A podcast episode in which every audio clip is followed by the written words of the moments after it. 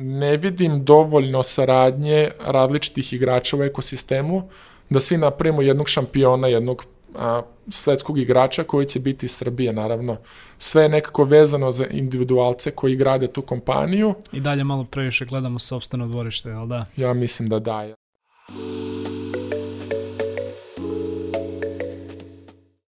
Ćao ljudi, dobrodošli u prvu epizodu Office Talks podcasta u 2021. godini. Nadam se da ste i vi, kao što smo i mi, ovaj, pre svega se dobro odmorili, naspavali, napunili baterije za, za ovu izazovnu godinu koja je pred nama. A ništa, pa da ne dužimo, ovaj, sa nama je danas Peđa Predin, investicijni menadžer u a, fondu South Central Ventures, jel da? Peđa, dobro vam došao. Bolje vas našao, hvala na pozivu i zadovoljstvo što sam došao. Evo, konačno, konačno i nas dvojica da se, da se nakvatamo i da, i da snimimo ovu epizodu. A, danas ćemo zapravo govoriti malo o tome šta je tvoj posao, čime se jedan, da kažem, investicioni menadžer bavi i kako zapravo izgleda to investiranje u startupe. Ali evo, pre nego što, što krenemo zapravo sa tom pričom, da možda negde damo neki background, a odakle kreće tvoja profesionalna karijera? Znam da si se školovao preko, znam da si isto tako radio u mnogim nekim ovim stranim kompanijama, Pa evo da, da, da krenemo možda da. odatle. E, ja bi, ajde da ne idem od kulina bana, ali ipak bi povezao sa ličnim delom, pošto mislim da mi profesionalna priča je dosta povezana sa time što sam a, se bavio sportom od malih nogu, igrao sam vaterpol od 7. 8. godine i to mi je onako obeležilo jedan dobar deo života i pored toga dalo mi je priliku da iz malog mesta kao što je Bečej, gde sam rođen, a, dobijem šansu da pređem u New York a, sa 19 godina i da krenem da studiram. Jednostavno to je definitivno mi promenilo život, pogledi su mi se proširili i počevši od studija ekonomije, a, pa kasnije a, profesionalna karijera mi je počela u verovatno sektoru koji nisam očekivao da će biti, to je recruitment, a, HR, i to se neko, neko desilo ovaj, skoro slučajno, jer mi je ovaj, cilj bio da budem u financijama nakon ekonomije, međutim 2009. 2010. taj period kad sam diplomirao je bila velika finanska kriza u Americi. Jednostavno je bilo skoro nemoguće za stranca da dobije posao u sektoru na Wall Streetu. Tako da sam razmišljao o alternativnim a, pravcima i ono što sam shvatio da mi je bitno je da želim da budem a, na mestu gde mogu da nastavim da učim, kroz praksu, a u isto vreme da radim na globalnim projektima, znači da nekako o, koristim to svoje iskustvo življenja u različitim zemljama. Tako da sam radio u Egon Zenderu, u HR-u, gde smo radili, na primer, board i C, C nivo, ajde da kažemo, generalni direktori, finanski direktori i slične a, projekte za velike tehnološke i finansijske institucije. I nakon tri godine sam rekao sebi da želim još malo da, da proširim vidike sa akademske strane, pa sam upisao MBA studije, master iz biznis administracije, otišao sam na INSEAD, a, mali faks u Francuskoj koji je specializovan za to i jedna od vodećih škola, um, što mi je bilo nekako odskočna daska da pređem u tech sektor, tehnološki, prvo u Microsoft koji je u to vreme, to je bilo 2014. kad sam završio MBA, dobio je novog CEO-a, a Satiju na delu u to vreme i to je bio neki period transformacije starog Microsofta o, još iz, ajde da kažemo, što je Gates započeo u neku cloud first ili mobile first organizaciju. Tako da sam bio dve godine proveo u Mihenu, u centrali za centralnu istočnu Evropu i radio na poslovnoj strategiji što je bilo onako sjajan način da dobijem sliku kako velike kompanije funkcionišu prave odluke, a sa druge strane sam shvatio da kad si mali klip u jednoj velikoj mašini, tvoj uticaj je vrlo minimalan i ima dosta više birokratije i politike nego nekih drugih stvari što meni u principu nije odgovaralo i negde u to vreme 2016. me je kontaktirala firma Gelato, prvi put kad sam čuo mislio sam da se bave sladoledom, ovaj, na moju nesreću, oni su više bili u tom nekom sektoru um, digitalne štampe i e-commerce vezanog za to i tražili su nekoga ko bi vodio partnerstva i razvoj biznisa na globalnom nivou. Tako da sam ušao u avion, otišao u Oslo, a, doveli su me na intervju u junu, kad je najlepše vreme, priroda mi je izgledala fenomenalno i onda sam se razočarao u novembru kad je počeo mrak, kiša, sneg i led, ali dobro, to je neka druga priča. U svakom slučaju, Gelato je bilo sjajno iskustvo, tri godine sam proveo um, dosta putovaći, radeći na, na pravljenju partnerstava, da li sa logističkim kompanijama, da li sa e-commerce kompanijama, fintech payments, da li sa štamparijama, tako da je uživao sam u tome, ali u jednom momentu a, mi se dosta toga nataložilo da sam skoro 12-13 godina bio van kuće i vidio sam da nekako to moje iskustvo a, iz tog a, traženja product market fita i skaliranja biznisa jednostavno može da bude korisno tu odakle sam se rodio, znači u Srbiji, tako da sam iz nekoliko razloga odlučio da se vratim. Prvo sam a, malo radio a, sitne consulting i mentoring a, projekte sa malim startupima, na jednom od njih smo sarađivali sa SCV-om i nekako ovaj, osetili smo kulturološki fit i, ajde kažemo, hemiju međusobno, pa su me pitali da se priključim timu i eto, da. tu sam već godinu dana, tako da to je nekako mala priča Super, hvala ti na tome. E sad, pre nego što zapravo otvorimo ovaj, ovaj kao i glavni deo, a, spomenuo si da, da si radio u početku sa startupima, dakle sa malim negde ovde firmama, tehnološkim firmama iz Srbije, da si zapravo bio njihov mentor. A, opet negde ulogu mentora bih možda ovaj, i, i stavio pod tu kapu nečega čime se investitor ovaj, danas bavi. Da. Pa ako možeš, možda zapravo da nam objasniš uh, koja su to neka zaduženja, uloge ili kao zašto, zašto neko zapravo ovaj postaje, postaje mentor i sa kakvim to savetima a, zapravo pomažeš ovaj, onako kompanijama koje, koje savjetuješ, jel da? Da. Ne, dobro pitanje. Mislim da postoje različite vrste mentora i u različitim fazama razvoja startapa drugčija osoba je potrebna da, da pomaže founderu i, i tom celom timu. A, nekako ono što je moja osnovna veština i moje najveće iskustvo je bilo vezano za traženje tog product market fita, prodaju, a, postavljanje sales procesa, marketing. Um, tako da u tome sam se najviše a, pronašao i mislim da su to neki saveti i stvari kroz koje sam prošao dosta korisni startupima koji su na početku.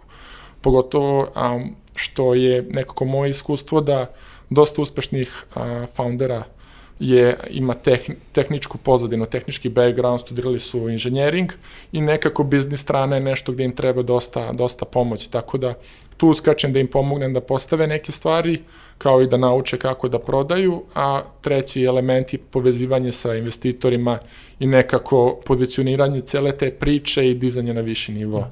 Ova, a sa svime time mislim da nekako mislim da je gelato iskustvo najrelevantnije u tom delu, pošto je bilo i trajala i grešaka i a, dosta teških momenta, tako da sam kroz to nekako razvio empatiju i ovaj, što mislim da founderi cene i mogu neko da se spusti na njihov nivo, a sa druge strane mislim da je isto bitno da oni dobiju value i ovaj, da ne budemo uvek mekan i soft prema njima, ali izuzetno cenimo šta, šta prolazi i šta radi. Dakle, mentorski posao nije samo da dolaziš i da tapšeš nekako po leđima i da kažeš kako je nešto super uradio. A, mislim da, da to dugoročno nije korisno njima, čak mislim da. da je vrlo negativno, jer ne trebaju im takve. Da.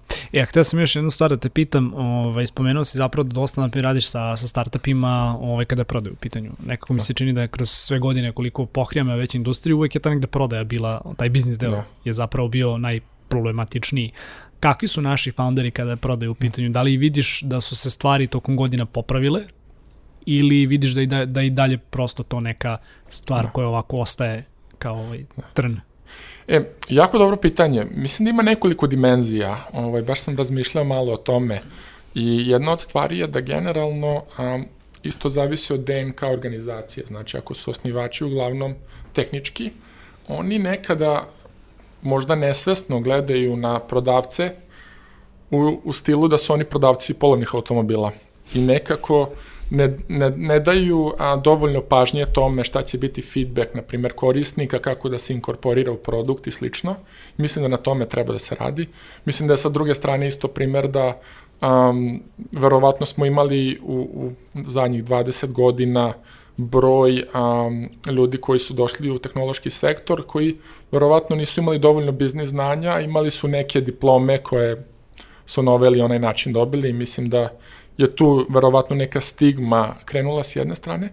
Međutim, moram da navedem dva pozitivna primjera koji mislim da, da dobro funkcionišu. Prve je što sve češće vidimo da se taj neki growth element, da li je on network effect ili virality, a, generalno inkorporira u produkt i sve češće vidimo da sa dobrim produktom i dobrim tim a, pristupom a, kroz UX i slične stvari prema krajnjem korisniku može da se završi prodaja i bez direktnog a, sales kontakta. Da. I mislim da neke od organizacija koje i ti i ja znam u Srbiji jako to lepo rade. A drugi primjer je da smo videli da srpski founderi a, znaju šta su im bottlenecks, šta su stvari na kojima treba da rade, ali su spremni da se povežu sa nekime koje, na primer, druga generacija Srbin ili neko ko je otišao iz Srbije pre 15-20 godina u Silicijonsku dolinu ili London i da sa tom osobom radi, jer on razume kulturu, razume mentalitet ovde, a može da pomogne sa te prodajne strane, jer zna kako korisnici ovaj, razmišljaju i funkcionišu. Da, dakle, da se zapravo napravite neki most između Silicijske doline i, da. i našeg, našeg područja. Dobro, E sad, ovaj, opet nakon što si se vratio negde u Srbiju, si zapravo krenuo da radiš sa, sa sve većim brojem startupa i opet radio si sa South Venturesom, ovaj, gde si bio, da kažem, konsultant na jednom projektu i onda si odlučio, doneo zapravo ovaj, sjajnu odluku da se priključiš ovaj fondu kao investicijni menadžer. Pa a, pre nego što nam zapravo objasniš šta je tvoj posao danas i mhm. čime se najviše baviš, ovaj, šta je zapravo investicijni menadžer i, da. i, i kako za nekoga ko možda apsolutno nema dodirnih tačaka sa, uopšte sa tehnološkim sektorom u smislu investiranja, kako ovaj kako zapravo kada dođeš na slavu, kako objašnjavaš da. ovaj drugim ljudima, ovaj gostima na da. slavi čime se zapravo ti baviš. Ovaj ne znam da li si ti, ja sam veliki fan Formule 1 bio kad sam bio mali. Mhm. Mm I, I dalje, i dalje ovaj, aktualno veliki fan, da. e, e, sjajno onda.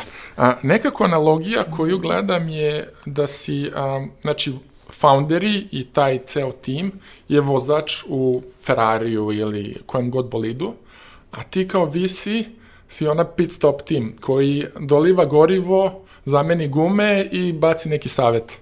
Ovaj, I mislim da smo mi s te strane neki enableri faktički ka startupima, gde im pomažemo da dođu do a, određenih visina a, i uspeha, a mi sa, te, sa druge strane imamo a, određeni naravno a, interes da, da, ovaj, da se povrati ta investicija koju smo mi napravili u njih. Tako da a, nekako moja rola investicionog menadžera mislim da ima tri ključne elementa, a, jer oni su povezani nekako za celu venture capital industriju a, kroz faze postojanja jednog fonda. Prvi je da se obezbedi novac, znači da pronađemo investitore, takozvani fundraise, gde je proces gde a, radiš da li sa institucijama koje mogu biti investitori ili sa ljudima, individualcima. da. da koji bi investirali, a onda... Koji zapravo da kažu, ono, znači imate jedan fond gde, ono, ja lično ili kao neko, neko ko pa zapravo zastupa ili neki hedge fond ili neku da. organizaciju, da. investiram novac u vaš fond kako vi zapravo upravljali tim novcem Absolutno. i investirali u kompanije za koje vi smatrate da su opet ovaj poten, da imaju zapravo potencijal da, da rastu i da ostvare neki uspeh. Da. Tačno, tačno. Znači mi, a, tako reći, vodimo ili menadžujemo njihov novac, i treba da ostvarimo profit tokom trajanja našeg fonda koji je 10 godina, znači povraćaj tog novca uz određene prinose, tako što ćemo investirati u male firme i prodati naše udele a, dok se fond ne zatvori, a to je neki period od 10 godina. I onda a, kroz tih 10 godina, znači, investiramo prvo u njih, uglavnom su to manjinske investicije, gde nam je cilj da jednostavno ubacimo novi kapital i ubacimo neki kvalitet koji mi donosimo, koji će pomoći firmi da se digne na viši nivo, a za to vreme onda radimo i pružamo neke naše i servise i usluge jednostavno a, na dnevnom ili na, na nekom drugom nivou ove, koji bi im bili korisni i na kraju, pred kraj, cilj nam je naravno da prodamo te udele sad. A, da li je to akvizicija ili merger neke firme ili nije se do, do sad još događalo nama ili a, izlazak na berzu ili ti IPO, to je neki cilj. Da. Dobro, govorit ćemo o svim tim stvarima, ovaj, naravno u ovoj epizodi, ali još jedna stvar koju hoću ovaj, da, da pređemo. Rekao si da zapravo nudite startupima, nudite tim mladim tehnološkim kompanijama neke određene usluge. Da. Ako bi morao može da navedeš koje su to usluge, koje bi da. to bile? Dobro, a, naravno, a, jedan element je a, ta podrška i priprema za fundraise, znači za dobijanje dodatnog kapitala. Uh -huh. Da, jer jednostavno nismo mi jedini investitor u toj firmi i mi imamo isto neke veštine koje možemo doprineti, ali postoji limit, to jest plafon dokle možemo da radimo i onda je bitno da tu budu neki komplementarni investitori koji imaju neki sličan mindset, slično razmišljanje, a mogu da im pomognu da se dignu na viši nivo i uglavnom je to neko ko je, na primjer, u zapadnoj Evropi ili Americi, a o, naša mreža je generalno se dosta razvijela kroz ceo ovaj period i sve firme koje smo investirali, tako da je to definitivno prednost. Drugi deo je jednostavno pomaganje oko pravljenja planova, oko go-to-marketa, tog prvog dela što smo pričali oko mentorisanja, ali isto tako povezivanje sa određenim advokatima, računovođama, ko može da im pomogne da, da izađu na američko tržište, kako mogu Stripe da organizuju, kako mogu da dobiju besplatne AWS kredite i slične stvari. Tako da ima tih nekih možda sitnih stvari koje smo jednostavno videli kroz iskustvo i koje mogu da se replikuju vrlo lako. Da, super. A dolazimo zapravo i do fonda u kom radiš, za koji evo koliko već dugo godina pratim samo industriju, mislim da je verovatno jedan od najznačajnijih, da kažem, fondova koji su, koji su ovde prisutni u Srbiji.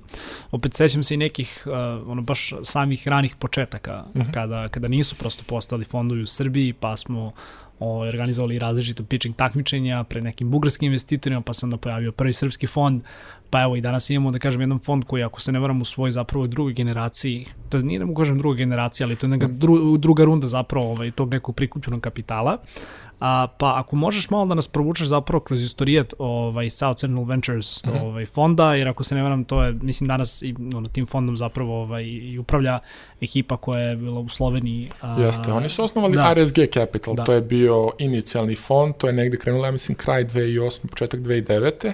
I on je imao za fokus Hrvatsku i Sloveniju a, za početak.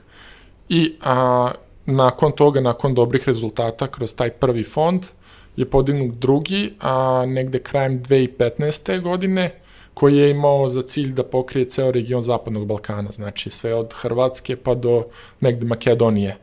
Um, I to je trenutno taj, taj portfolio koji vodimo, gde je trenutno 26 investicija, od toga polovina u Srbiji, um, gde, eto, za ovih pet godina mislim da smo nekako uspeli da izgradimo taj brand i to ime i da pomognemo tim svim kompanijama.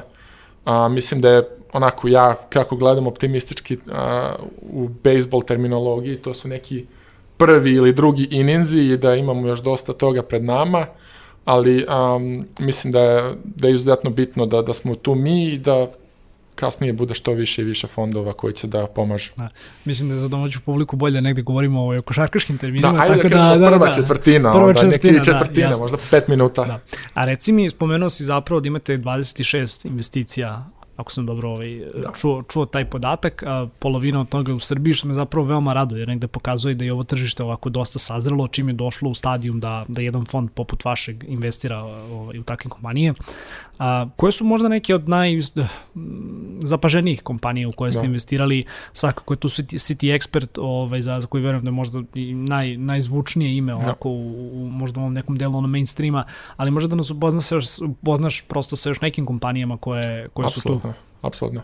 Evo, ovaj, mislim, dobro si rekao, a, jako je teško oceniti neku kompaniju kao uspešnu ili ne, jer se jako a, brzo sve može promeniti a, takav je jednostavno dinamika celog startupa sveta, kako funkcioniše i jednostavno imamo još pet godina da vidimo rezultate iz njih, tako da a, ne bi stavljao favorite sa te strane, ali eto, spomenuo bi nekoliko firme koje mislim da bi možda bile zanimljive slušalcima i gledocima. Tradecore je a, fintech kompanija ovde bazirana u Beogradu, a, koja radi sa nekim od globalnih a, brokerskih klijenata, a, imamo Agremo koji je u poljoprivrednom svetu a, i koji ima a, veštačku inteligenciju koja analizira podatke sa satelita i dronova i pomaže a, poljoprivrednicima da a, imaju efikasniji, a, efikasniji pogled na, na njihovo zemljište, polje i kulture koje, koje gaje. A, tako da to su neki od zanimljivih uh, Work Pulse uh, koji je u, um, u nekom Ja bi to zvao a, workplace productivity a, prostor a, i da nekako su, povezan da. sa remote workom. Što verujem da su ove godine imali izuzetno ovaj primetan rast. Da. Vrlo, vrlo dobra godina za, njih, za njih, eto da kucnem u drvo i nadam se da će tako nastaviti. Impresivan tim koji vodi Ivan Petrović, pojačan a, sa nekoliko onako iskusnih a, startup a, profesionalaca, tako da baš smo zadovoljni. Um, od ovih kompanija koje možda nisu iz Srbije, verovatno je Cognizant ta prva koja pada na pamet, jer one su nekako najviše dogurali, oni su podigli takozvanu seriju C investiciju od AXE, um, znači od francuske osiguravajuće kompanije koja ima svoj venture capital fond, oni su investirali prošle godine 12 miliona dolara, tako da to je jedna od lepih priča koja, eto, počela u Makedoniji, ima englesku, englesku centralu i dobar deo tima u Hrvatskoj, tako da zanimljiva da. kombinacija. Dobro. A, ako generalno govorimo o tipovima kompanije u koje South Central Ventures investira, ono što, što je mislim jako bitno ovaj, da, da, da prosto slušalci i gledalci koji negde možda nisu nužno u ovim vodama, koji se evo tek sad edukuju u ovim stvarima, da je negde jako bitno da, da shvate da ne investira svaki fond prosto u, u svaku stvar. Tako da, na primjer, ukoliko ste vi a, ono, tim koji je odlučio da napravi nekako SAS rešenje mhm. za, ne znam, produktivnost na radu, vi možda onda potpadate u okvir nečega u šta bi vaš fond investirao, dok sa druge strane, ukoliko ste gaming kompanija, to verovatno nije da kažem prosto ovaj opet sektor u koji u koji vaš fond investira, neki drugi da. neki drugi možda da da probamo da opet demistifikujemo taj, taj deo priče. Zašto investirate samo u pojedine kompanije u određenim oblastima uh mhm. -huh. i zašto da kažem prosto u neke stvari koje možda imaju potencijal uh, poput gaming, ovaj, proizvoda no. koji svakako ono, je i prednjače negde. Na primjer. I bioteka, na primjer, koji eto može, ono, može te dve stvari da kažem prednjače, mislim svakako gaming, na primjer, to rećemo no, da. blockchain kao prednjače ovde u Srbiji, pa kao zašto onda, onda ne fokusirate zapravo na te neke stvari, nego odlučujete da, da tražite neš, nešto drugo, nešto što da kažem, eto, vam je tu prisutno već toliki niz godina. Da, mislim, a, sad, onako, po definiciji, a, mi smo fond rizičnog kapitala i generalno znamo da a, verovatnoća da neka od kompanije ne uspe a, nije tako mala. A, sa tim u vidu jednostavno a, volimo da imamo dobro znanje u industrijama koje investiramo i gde znamo da možemo da pomognemo na, na određeni način, gde razumemo dinamiku sa korisnicima, gde možemo da pronađemo investitore koji isto vole taj sektor. Um, tako da, na primjer, ako bi gledali ove neke od industrija o kojima smo pričali, a, gaming a, ima malo drugčiju dinamiku jer on može da bude vrlo često hit or miss i nekako a, nije nešto gde gde mi možemo da damo novac i da posavetujemo, već više to damo novac pa da vidimo šta će biti. A, moguće da, da, da bi pogledali a, više neke gaming kompanije koje bi imali portfolio različitih igrica, gde ne bi sve zavisilo, na primjer, od jedne igrice, ali um, do sad više uspeha nekako smo vidjeli u tom B2B sektoru, iako smo generalno otvoreni da svaku priliku pogledamo, analiziramo, ali a, isto tako gledamo načine gde koliko toliko možemo da, ajde kažemo, kontrolišemo određene variable i da vidimo koji je način da mi dođemo do, ne znam, pet ili deset puta a, prinos u odnosu na investiranu svotu, što nije lako, znamo da se to u većini slučajeva neće desiti, ali ovaj želimo da, da, da vidimo da ipak mi budemo ne samo, što bi se rekao, glup novac, nego i nešto pored toga. Tako da, da. to je nekako po, um, pogled na to. Generalno volimo da pravimo mrežu sa, a, sa savjetnicima, znači sa ljudima koji su prošli kroz određeni sektor i mogu da isto pomognu, a nisu generalno na, na dnevnom nivou deo našeg investicionog tima. Da. A, jer nam onda oni mogu a, biti produžena ruka. Strava. Znači, u principu fokusirate se na ono da, da imate iskustvo i s tim stvarima se, se danas manje da. više bavite. Dobro. A, ako moramo negde, opet, pomenuo si na početku zapravo našeg razgovora da imaš ovaj, ono, opsežno iskustvo ovaj, na globalnom nivou, ili ako mogu tako da kažem, sa određenih drugih nekih tržišta. I radio si tamo sa tamošnjim nekim mojim founderima, radio si ovde sa domaćim founderima. Ja nekako uvek volim da povučem paralelu i da probam da uporedim ovaj, mhm. nešto što je naše nasuprot nečega što, što je strano, što je globalno. A ako bi morao da, da uporediš neke karakteristike koje su ovako baš specifične za, za osnivače sa, sa našeg prostora, mm -hmm. nasuprot ovaj, nekim globalnim, na primjer, osnivačima, koje bi to stvari bile? Da. Mislim da generalno mi imamo vrlo kvalitetan inženjerski talent i to je nešto što se ponavlja i dosta ljudi može posvedočiti o tome i to je dobar start jer vrlo često možemo vidjeti startupe koji su na primjer u Njorku i ne mogu da angažuju inženjera jer jedan košta preko 200.000 dolara. A, tako da to bi definitivno stavio kao prednost i onda bi stavio kao dodatnu prednost nešto da ipak kao država, kao neku koji je odrastao ovde, a, ljudi su prošli kroz dosta, če, dosta teške momente i 90. godina i kasnije i nekako imamo taj, um, taj element da možemo da se adaptiramo na svako okruženje i ne treba na tako nešto puno para za plati i za ostale troškove, tako da možemo da plivamo, što je ipak prednost u ranim fazama kompanije. A, sa druge strane, neke stvari gde a, ja mislim da naši osnivači a, imaju prostora za napredovanje, jedna stvari smo pričali, to neko biznis znanje. Drugi element koji ja isto mislim da je bitan, kako da se stave a, u cipele ili u odeću korisnika i da imaju taj neki globalni mindset, globalni mentalitet da ne razmišljaju samo iz svog ugla, nego da znaju kako će neko iz San Francisco da reaguje na taj produkt, kako će neko iz Londona, neko iz Berlina ili neko iz Azije. Jer definitivno će imati dosta drugčije poglede. Mislim da tu ima dosta prostora i to je nešto što mi volimo isto da radimo sa njima. Um, tako da to su neke možda osnovne stvari uh, da promislim da li još nešto mi pada na pamet u ovom momentu. Ima jednu stvar koju sam zapravo isto htio da te pitam. Ovaj, tokom godina se dosta govorilo o tome, znaš kao, startupi u Srbiji, ne znam da li je to slučaj u 2021. godini, ali do pre par godina su startupi nekako bili ponosni na to kada su bootstrapovani, valjda zašto uh mhm. -huh. imamo da kažem možda neki od najvećih uspešnih priča ovde u Srbiji, da. a, koje su zapravo bootstrapovane. Koje nikada zapravo. Da, koje zapravo nikada nisu primile, da kažemo, spoljnu investiciju. I sad, uh, godinama smo mi čak ovde na netokraciji nekako probali da, da edukujemo ljude da zapravo kažemo, to nije da ti dolaziš kod investitora i potpisuješ ovaj, nekakvu tapiju sa, sa djavolom ovaj, ili, ili takve neke stvari, nego zapravo ulaziš u jedan, da kažemo, ono, partnerski odnos, da je neko uz kapital koji će ti pomoći da zaposliš ljude, da, da izađeš na neka nova tržišta, ima i to neophodno znanje koje će ti zapravo pomoći da svoj proizvod dodatno oblikuješ prema nekim, da kažem, trenutnim potrebama ovde tržišta ili, ili šta god. A, da li se ta ideja i to zapravo shvatanje šta je investicija i šta je taj odnos mm -hmm. saradnje sa investitorom promenio u proteklih nekoliko godina koliko si evo i ti aktivan ovde na tržištu u smislu da li danas da. imamo više uh, startupa, više foundera, više osnivača, koji ti se obraćaju sa idejom, hej, ono, videli smo šta radite i želimo da uđemo u nekakav odnos sa vama, pa čak možda i da nisu ok ili prihvatljivi uh -huh. sa, mhm. sa njihovim proizvodima za vas. Da li vidiš da, da je više krenulo opet tržište negde da ide u tom smeru ili su osnivači i dalje možda negde onako bojažljivi da uđu u takav jedan odnos plašeći se prosto da njihovu ideju neko ne ukrade da. i da budu izbačeni onako poput slavnog Steve Jobsa ovaj, iz, da. iz upravnog borda njihove kompanije, jel da?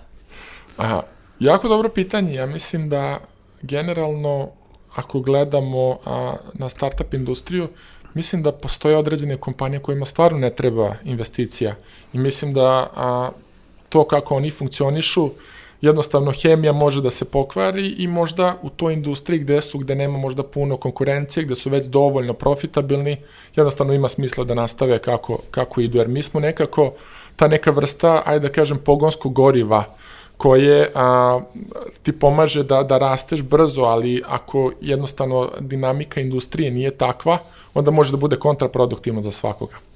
Sa druge strane, mislim da osnivači dalje imaju prostora da budu još više edukovani oko toga.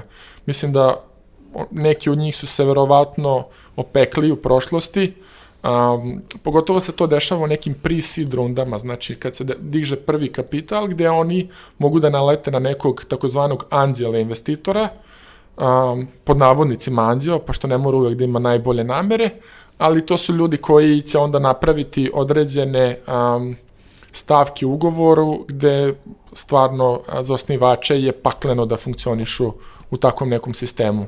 A, mi smo vrlo transparentni oko toga, eto, 26 kompanija s kojima smo ako ne grešim, mislim da ni kod jedne nismo promenili generalnog direktora, a CEO-a, što znači da faktički stvarno nam je cilj da radimo sa tom osobom i to je neki prvi element kada biramo gde ćemo da investiramo, da osjećamo da možemo da sarađujemo sa tom osobom. E sad, nismo savršeni svakako, ali je, ali je bitno reći da imamo isti incentiv, isti interes da rastemo kao kompanija.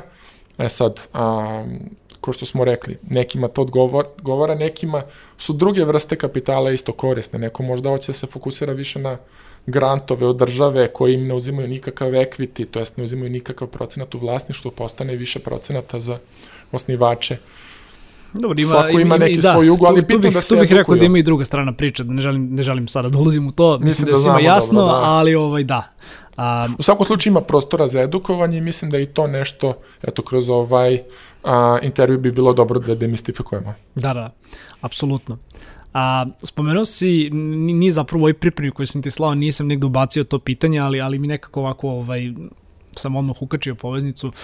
Anđelski investitori. Možda i najgluplje preveden ovaj termin kod nas, ali da. angel investor, bože moj, tako se zove ovaj, i u svetu. A, Da li, da li postoje zapravo ovaj anđeli, anđelski investitori ovde u Srbiji ili je uglavnom ili se taj termin ne sad nužno da ga, da ga industrija vezuje, ali da, da se to uglavnom vezuje za neke ljude koji su, ne znam, ostvarili možda neke poslovne uspehe, pa bi sada radije da investiraju. Da.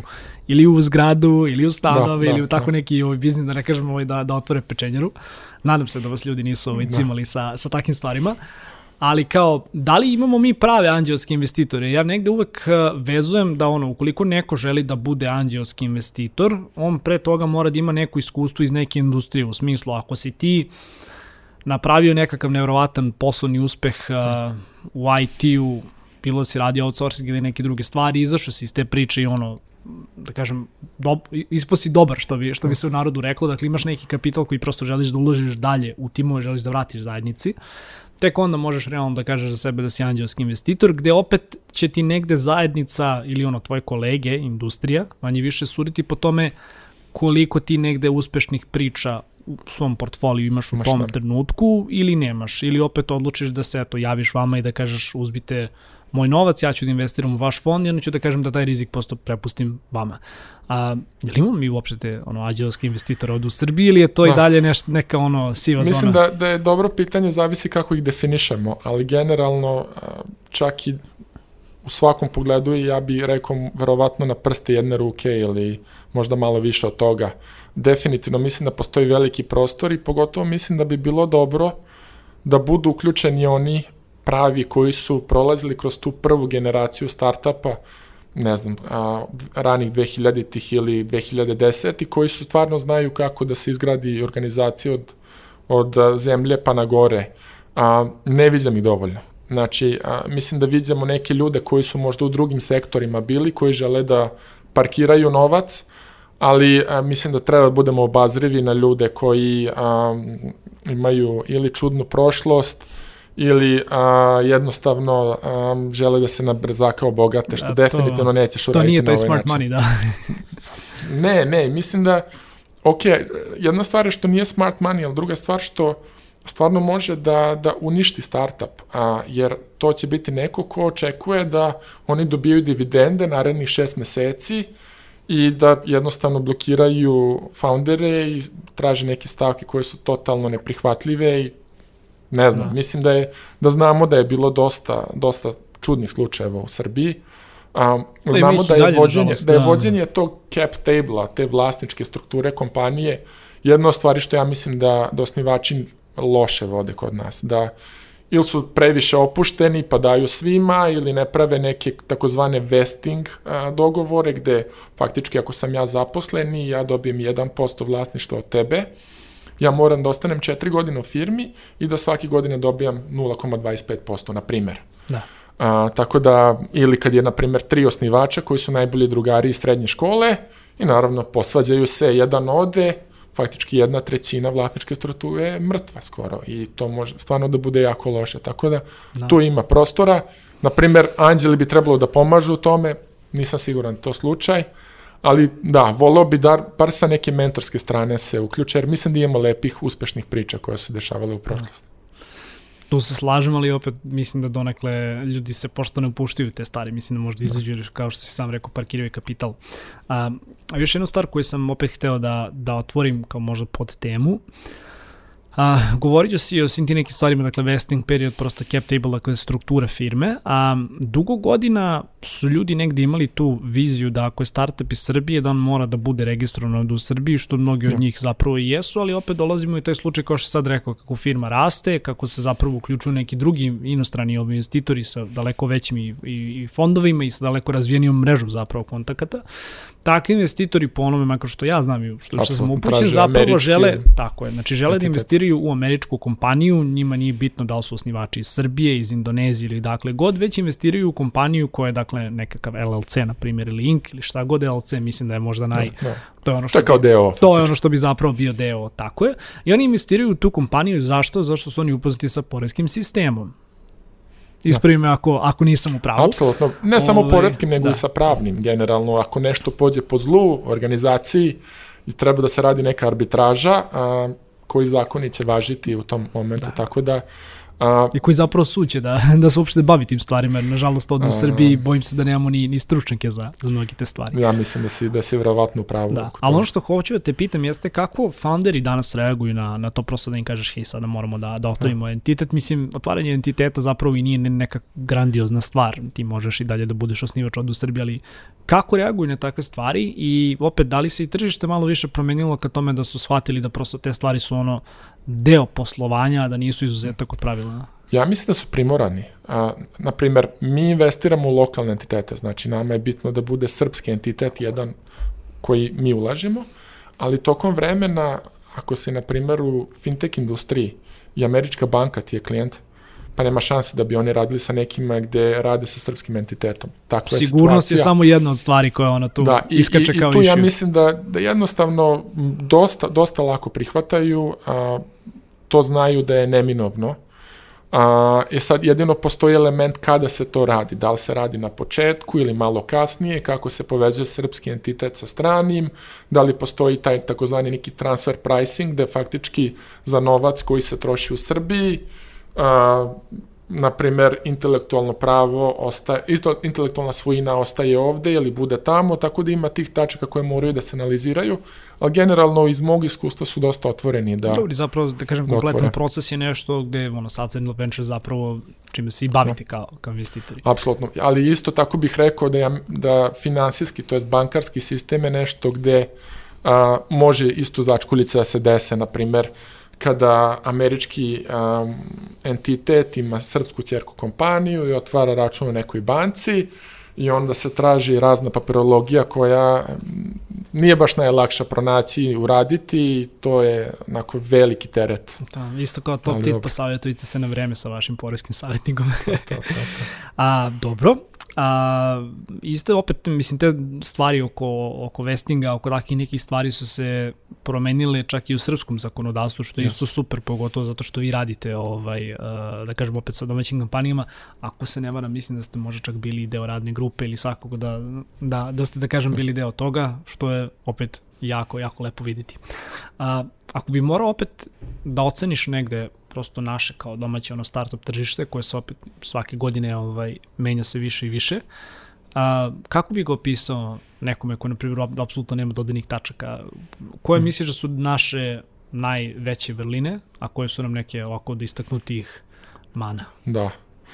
Uf, a, pa mislim da, da kao tržište a, definitivno smo napredovali u odnosu na pre 5 ili 10 godina a, mislim da nekako taj rast a, rada na daljinu je isto a, nešto što ide nama u prilog generalno, gde možemo da igramo jednako na globalnom tržištu. Imamo tih nekoliko sektora koje se spomenuo, da li su gaming, blockchain, ja bih rekao i SaaS, gde a, smo imali dosta da kažemo, uspeha, gde dobar broj inženjera ili a, drugih ljudi počinje da radi, ali generalno mislim da imamo neke stavke gde ne vidim dovoljno saradnje različitih igrača u ekosistemu da svi napravimo jednog šampiona, jednog a, svetskog igrača koji će biti iz Srbije, naravno.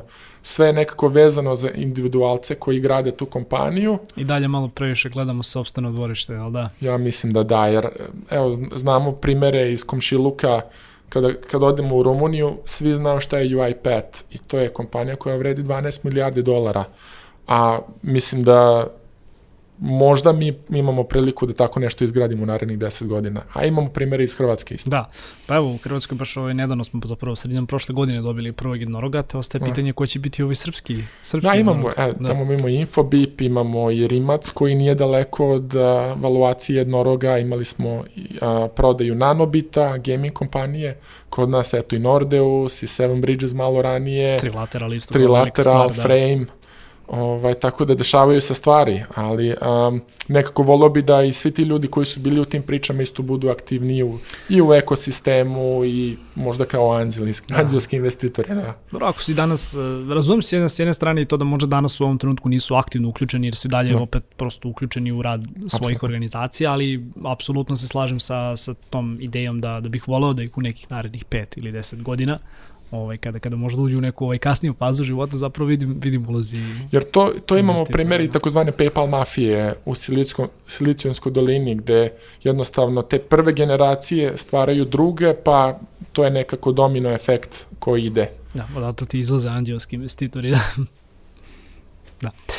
Dobro. A, kako je COVID uticao na, pre svega na tvoj posao? A, I da li vidiš da, ovo je možda malo, ovaj, da kažem i bizarno pitanje, ali da li prosto ovaj, vidiš da, da je možda u proteklih godinu dana više kompanija krenulo da se javlja investitorima negde sa idejom hajde da ne rizikujem možda toliko, već da ono primim investiciju pa ako ništa da osiguram sebi posao u nekom narednom periodu? Ili je opet to da kažem opet segment industrije koji nije negde nužno bio podložan ovim uh, aktuelnostima Mislim da imamo tu sreću da jednostavno dobar deo um, startup sektora je nekako imalo vet, imao vetar u leđa kroz COVID. A, početak, taj prvi neki lockdown koji se desio u martu i aprilu je stvarno bio težak i dosta kompanije razmišljalo koji je naš plan za 2020. I vrlo često se dešava da kompanija kada primi investiciju ili kad treba da dobije prvu, znači u tom periodu treba neki a, listu ciljeva da ostvari, da li je to broj korisnika, da li je to prihod, da li nešto treće. I nekako smo se svi uplašili da će im baš zbog covid zbog svega što se dešava, trebati dodatno vreme i za to neki dodatni kapital. Međutim, stvarno se desilo da je a, taj neki rad na daljinu a, ubrzao jedan deo digitalne transformacije, tako da mogu da kažem da je jednostavno dobar deo našeg portfolija stvarno profitirao a, kroz celu ovu situaciju a, i mogu stvarno da budem ponosan na njih. Što se tiče novih kompanija koje a, traže investiciju, mislim da ne bih rekao da, da sam video neku veliku promenu u odnosu na period pre covid -a. Mislim da za najbolje timove uvek će biti prilike da podignu kapital, da li od nas ili od nekog drugog investitora, ali mislim da, da neće biti um, lako za one timove koji su navikli samo da žive od grantova ili sličnih stvari. Da. Veoma dobro zapažanje. Hvala ti na tome.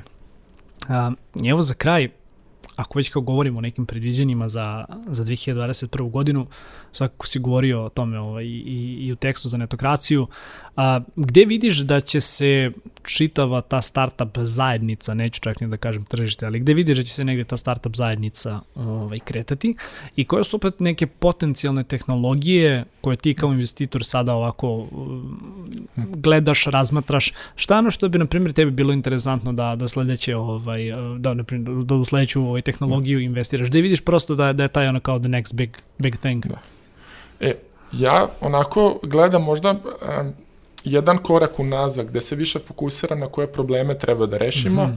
pa počevši od toga i mislim da na primjer jedna od mana naših startup ekosistema je da ako gledamo bar na enterprise, mi nemamo dovoljno klijenata koji u regionu mogu da kupuju rešenja od tih naših kompanija. Jednostavno, takva ekonomija ne postoje. Ali sa druge strane, mislim da a, voleo bi da, da, da bude, na primjer, više priča, eto, možda je ovo ovaj, vrlo onako očigledno, ali mislim da nemamo dovoljno veštačke inteligencija priča. Bar onih pravih koje stvarno rešavaju probleme i koje nisu samo slovo na papiru. A, volio bi da, da više bude, na primjer, i consumer priča, znači kompanije koje idu ka individualnom potrošaču, jer jednostavno malo ih se rađa kod nas i jako sporo napreduju, što je možda vezano sa veličinom tržišta da, koje mi smo, imamo. Mi smo baš okrenuti ovako isključivo ovaj B2B sektoru, da.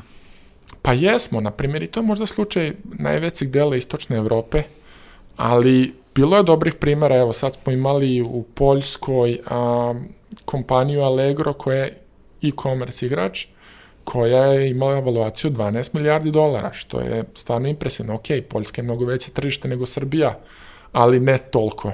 Tako da, mislim da ima prostor eto i u B2C-u s jedne strane, mislim da i u veštačkoj inteligenciji, ja mislim da imamo dosta mogućnosti, eto ako gledamo da te sektore gde imamo enterprise klijente, na primjer, jedan od njih je definitivno poljoprivreda.